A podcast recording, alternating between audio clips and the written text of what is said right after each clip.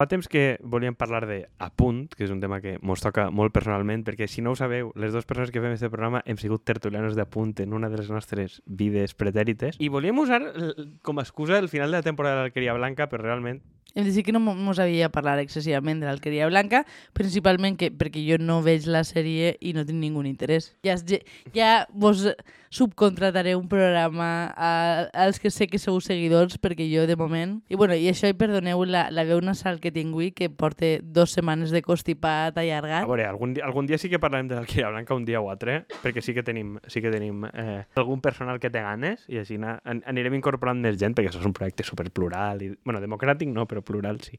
Eh. Sí, però en el fons, anem a veure. L'Alqueria Blanca, jo ho sé molt, però és una merda de programa. Ho deixo ahir clar, perquè sapigueu quina va ser la meva implicació. Però mos servia com a excusa principalment per a parlar de apunt i de la ficció valenciana, no? Si no m'equivoco. Sí, a veure, bàsicament que la, la paradoxa de que l'única ficció que li funciona en audiència a punt és una ficció heredada de Canal 9. O sigui, en, en totes les coses bones i males que tenia Canal 9, que és un producte al final, pues bueno, més o menys conservador barra reaccionari, perquè està ambientat en el franquisme, tot i que n'hi havia com alguns elements progressistes. Això és un, un tema que ja tocarem, però que no han sigut capaços d'inventar res nou que dure més d'una temporada. Perquè és el franquisme, la, o sea, o, o és com, com la sèrie esta espanyola que ja eren de si no resta en el futur. Saps quina dic? Que tu també la mires, perquè tu eres una abuela per aquestes coses. Cuéntame cómo pasó, estás bien, però Cuéntame cómo pasó està equilibrat, rollo. Cuéntame cómo pasó, començava en 1968 i crec que a hores d'ara, si no els han cancel·lat... Està en 2045.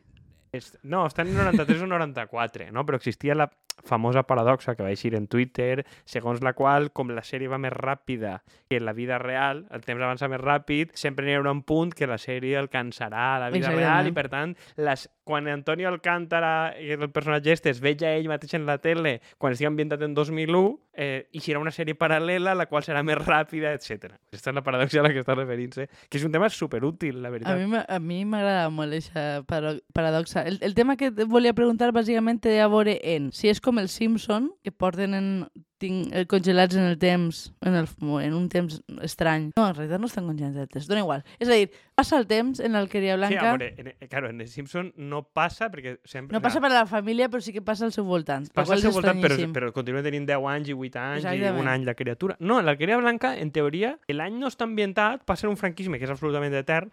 Teòricament, la primera temporada crec que... Bueno, en això no s'enganyen. Sí. crec que la tem primera temporada sucedia en l'any 62, o sigui, la primera promo era 1962 torna al poble o algo així, i ara ja tenen xiquets que s'han fet majors. O sigui, ja deuen haver passat 10 o 12 anys i deu estar a punt de morir-se Franco, però allí no s'evidència que moiga Franco. El cas és que és el franquisme i el senyoret és guai, etc i n'hi ha un alcalde que no es diu qui l'elegeix, però... Que psiquisme del bo. Que psiquisme me del suena, bo. Que, suena. que psiquisme del, del, del, del virtuós, no? Que psiquisme a la siciliana, no? La màfia és útil, però això és una miqueta lo mateix. Però bueno, que no són capaços d'inventar una ficció avui que funcione. Tampoc no han rescatat, no? N'hi ha altres... Tu te recordes de, de Unió Musical de Capo en Canal 9? No. no. Que era una, era una sèrie que estava bé, que era d'una banda de música, d'un poble. Jo no tinc memòria per aquestes coses, sigui... Però això estava bé. Eh, pot ser, bueno, ho, ho revisarem. El, el tema és que el que és paradigmàtic així en el fons és que vivim de rendes, no? I que no hi ha, no hi ha sigut capaç, s'han fet diversos intents, pense que la majoria en un, en un tinte molt continuista en el que ha sigut a punt, o sigui, en, en el que ha sigut Canal 9. No hi, no hi ha hagut ningú producte cultural que s'hagi plantejat des de la cadena que siga mínimament rupturista, no? Però, però bueno, tenint en compte que el que hem comentat en altres programes ve a dir justament això, que s'aposta per lo segur, pues, entenc que en la, en la cadena pública han fet més de lo mismo. Teòricament està prohibit, o això diuen dir Canal 9 en apunt, no? perquè té la, la hipoteca reputacional del, del, de, la, de la cadena, no? o sigui que no, no, es, no es pot dir Canal 9, però al final, funcionalment, al principi crec que van intentar una altra cosa, no? quan estaven per Marco i tal, sense massa èxit, però ara des de que està el senyor este que ha entrat, que havia sigut subdirector de programació de Canal 9, de RTBB durant anys, ells mateixos ho van dir, era un senyor que sí, que era l'ala esquerra, entre cometes, XD,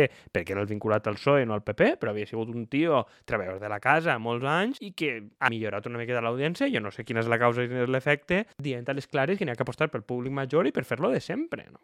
Exactament. A veure, la qüestió és que això mos porta a quin és el model de punt, no? I jo crec que el que dius és cert... N'hi ha un model? Jo penso que és, és, és un model continuista que pensa que està basat en una idea de que la gent jove no mira la televisió. Hi ha una desconfiança tremenda a lo que és el públic jove i, per tant, anem a descartar-lo absolutament, anem a apostar a la gent que ja era fidel a punt de tota la vida, que dic, bueno, eh, alguns es moriran pronte, no, no pots viure d'estos tota la vida. Però jo he de, dir, he de confessar que fa més d'un any i mig que no, que no he mirat la tele i crec que va ser en pandèmia i perquè no tenia res millor que fer. I, i únicament un programa que m'agradava molt i que segueix agradant-me, tant tant veig algun fragment en xarxes que és Terra Viva, que, que em sembla dintre del que té la cadena de les poques coses salvables a nivell de producció pròpia. I que a veure, que és un programa que tampoc inventa res, o sigui, és un programa bàsicament d'anar a veure explotacions agropecuàries i coses de menjar i que encara així treu un 5 i pico per cent, o sigui, crec que duplicava, triplicava voltes la mitjana de la cadena. Cosa molt senzilla que era anar a veure gent, a més, cosa que no vas a veure en una altra cadena. En aquest moment, jo quan anava a punt directe, que era el magazín de la vesprada, per a qui no seguís que la cadena, el magazín de vesprada, que n'hi havia abans del de ara de Máximo, que el de Carolina Ferre, tot estava Juan Nieto i tal, també allí n'hi havia dies que et diuen, avui hem fet un zero. O sigui, que els audímetres, que no sabem quants n'hi ha al País Valencià...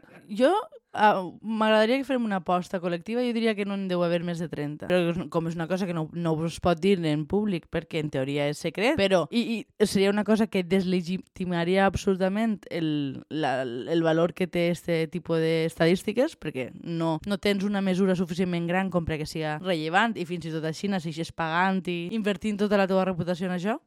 Sí, a veure, això, això no està... No, no es van a canviar-ho... Bàsicament com ha passat una miqueta en les, en les audiències d'internet, que ara sí que estan intentant canviar-se, no? El tema del clickbait i el SEO i tot això, de, mm. de com veus els diaris que, jo què sé, La Vanguardia companyia destacava per receptes de cuina per a Thermomix. O sigui, jo tinc una Thermomix vella, no tinc la nova, no, no hi tanto dinero, però que et busques, molts de receptes estan en pàgines de La Vanguardia o de l'Espanyol o, de, o videojocs que estan eh, en, en, en les webs de l'Espanyol o de Voz Populi i coses d'això perquè va per, per clics, perquè si l'anunciant va posar de la pasta per clics, i estos fan el mateix, al final tot el món es reconeix en privat, qualsevol persona que treballa en la tele, tant de directiu com d'una productora, que aquest model està acabat, que aquest model està mort, que model ja no representa res, que és com una miqueta com les enquestes, no? Les enquestes, quan tu vas a una enquesta a domicili o creant per telèfon, tu saps que cada volta menys gent agarra el telèfon fix o t'obre la porta. Cada volta són enquestes menys fiables.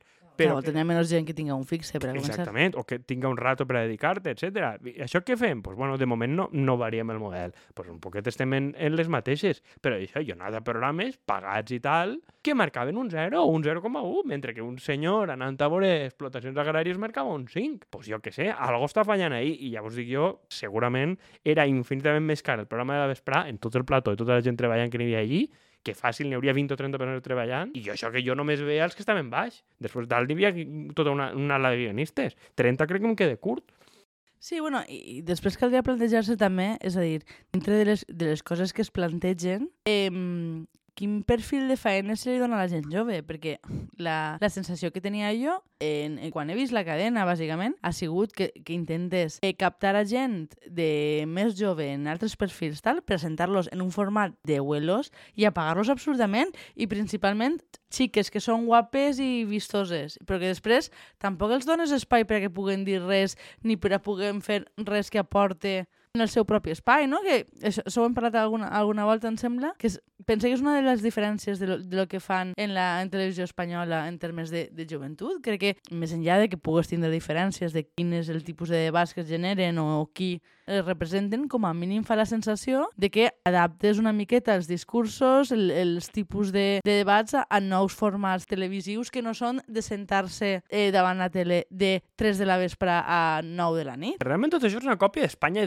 directo i tot això. Vull dir que és, que, que és un, model de anem a Benetúser a veure com fan el Puigero. I tant, ahí, a veure, quin interès té? Pues, pues mira, jo de les dos hueles, pues una s'ha mort i l'altra no és capaç ja de seguir aquest fil narratiu. És a dir, la, és que aquesta gent està morint-se i de la generació de jubilats, que pot ser pues, ma mare o companyia, que tal, persones de 60 anys, no van estar mirant-se com fan el Puigero. És que eh, crec que se'ls se ha estretat molt l'espai.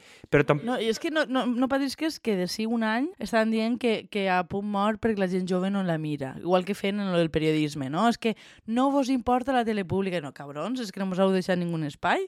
Eh, és que el que dius dels influencers, que al principi ho van fer, van buscar gent que funcionava en YouTube o funcionava en Instagram o funcionava tal, no, en aquell moment, bueno, en aquell moment buscaven més de YouTube, però, però vaja, que és Però va durar molt poquet, en realitat. No, però és, que, però és que, clar, és que els posin, però és que TV3 fa el mateix. TV3 agarra a Juliana Canet i a l'altre i tal, que ho fan bé en YouTube, dient les seves tonteries, les seves coses, que és el que funciona, és gent capaç de crear contingut i monetitzar-lo. A més, en català. Què faig? El poso en un programa de ràdio, en una hora fixa, a Catalunya Ràdio, no sé quantos, això sí, en molt de vídeo, perquè es veja en YouTube, fent un programa convencional de la casa, en guionistes de la casa i ordenat d'una forma convencional. I clar, al final aquesta gent no va brillar, i és, per a mi és el que han fet en la majoria, a més que crec que pràcticament, menys algun cas d'un youtuber, aquell, el Cora, aquell que li van donar un programa de ràdio, que és el mateix espai on està la Maria Juan, era uno a qui li van donar un programa de ràdio que més o menys és un format que funciona del cap de setmana, el, eh, que, eh, més coral o més de donar lloc a còmics o fent més o menys i, i en... Fa la sensació que la ràdio en realitat és l'espai en el que mínimament s'ha experimentat més. És a dir, sense grans eh, forçaes, però com a mínim han, han fet alguna intent de tindre humoristes, de tindre cosetes que s'aneixen una miqueta de... Jo, jo per lo menos la meva experiència és que en, en, en els debats em vaig divertir moltíssim més en la, en la ràdio que en la televisió, bàsicament perquè no estava centrat en, el, en en la imatge tot el rato, no? I que, que no havies d'estar contínuament canviant de, de tema. I, ho, dic perquè estaves parlant de, de portar a gent jove i que no brillen i tinc la sensació que al final estàvem allí de, de pose i poc més. Jo no vaig ser capaç... És a dir, estar en un debat sobre un tema que implica dedicar 30 segons per tema i que, per tant, o dius una obvietat o dius algo que no vas a tindre temps d'explicar, doncs no sé quina utilitat pública té. No, i que està moltíssim més acotat i qualsevol d'estos de, de les que han guanyat ara premis de podcast podcast de l'estirant del xicle i tot això, quan els pregunten diuen no, no, jo no vull anar a la tele perquè a la tele no tenim llibertat per a fer el que volem, perquè un programa de tele és molt més car, està molt més acotat i tens molt menys marge creatiu. És un tema d'indústria, jo crec que té, té sentit, però és que tampoc la ràdio. A veure, tota la ràdio a punt, que jo sàpia, no puja podcast a cap plataforma, serà la seva política de monetització, però és que tu no pots trobar-ho ni res de lo que fan ni en Spotify ni una cosa per l'estil, ni pengen cap puto vídeo a YouTube. Tens que anar-te, fer clic, buscar en la seva plataforma, buscar-ho i fer clic allí dins, no funciona bé per a plataformes mòbils. I que ni tan, so que ni tan sols generen talls. Vull dir que n'hi ha programes que has de buscar el tall en les 3 hores de programa. Que vull dir, damunt són els, els mazacotes. Diu, home, si, si tenim clar, perquè tots tenim clar que el consum audiovisual ha canviat, ni tan sols en la teva apartat web fas un esforç per fer més digerible el contingut, que és com o tot o nada. Eh, però és que la idea que tenen ells és que com el, el, les dades de, jo m'imagino, del màrqueting digital no estan clares i en altres cadenes, bueno, tu mateixa veus, moltes de les coses que veus i comentes a voltes les veus en diferit, sigui de Telecinco o sigui de coses d'estes. La majoria. Clar. A més, els horaris de huela que porte jo, que a les 11 normalment estic dormint, com per a posar-me a mirar la Isla de les Tentaciones a la una del matí. Clar, però i el, i el, el rotllo este que tenen el, a, a 3 Media Plus o a 3 Media Premium i l'altre és Mi Tele, que crec que no acaben de, crec que no acaben de funcionar excessivament relativament bé, però bueno, com a mínim aquestes cadenes privades estan fent una aposta per els seus portals digitals, que tu et subscrigues i que vagis a buscar-ho. A part de fer talls, i crec que això sí que ho, sí que ho fan, que evidentment probablement, no sé, i YouTube no ho monetitzen suficient i tenen la idea de que el que és la televisió pública i tal, però és que jo crec que tu, dic jo, com a televisió pública o ràdio pública, t'ha d'interessar que el teu missatge plegue, perquè estàs, Exactament. perquè estàs fent coses. I si la gent jove està majoritàriament, i tu miraves un, un estudi d'estos de consum de podcast, que jo vaig mirar per a fer este engendro que fem, de on mira la gent podcast i no sé quantos, mires YouTube, eh, Evox, Spotify, no sé què, no sé quantos, Apple i l'altre. I entre tres o quatre plataformes tenies el 80-90% del consum ahí. I resulta que a punt no està en cap d'estes. Zero. Hòstia, però és que anem a veure, si tu la major part de la plantilla que tens contractada, perquè això és l'acord al que has arribat, és eh, derivada de Canal 9, tampoc pots esperar que la gent es reinvente a un nivell estratosfèric. Vas a tindre un perfil de persona que, no vol dir que tinga mala intenció ni mala fe, sinó que té unes maneres apreses de fer, de, de, de fer televisió, de fer ràdio, i que o siga el, el, el path dependency que es diu en ciència política, no?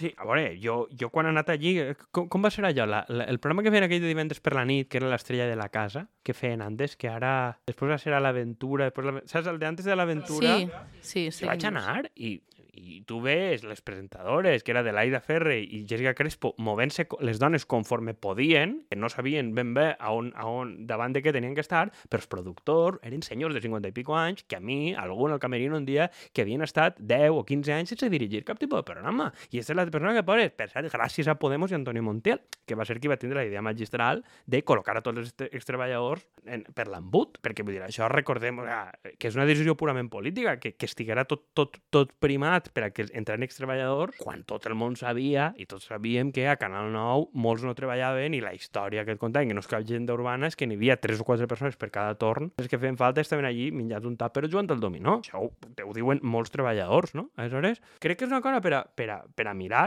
la, la, incapacitat que tenen, perquè ara, ara damunt ja estan començant a queixar-se i va eixir en la directa i tal, que està tot externalitzat a productores externes. Clar. I que ningú n'és els treballadors, sincerament, que, que gran part de la plantilla que sap fer, però és que no és que ho diga jo, és que t'ho diuen treballadors de la casa, que són en plantilla de com al principi n'hi havia gent que no sabia fer-ho i han tingut que llogar a altra gent més jove, també dins de la plantilla, per a cobrir que el viejo no sabia fer vídeo, no sabia editar no sé quant, i es diu que buscar una altra persona que cobrira la faena del que tens contratat i que es deguera comprometre el sindicat que l'havies de contratar. Avui en dia ja estem pagant doble.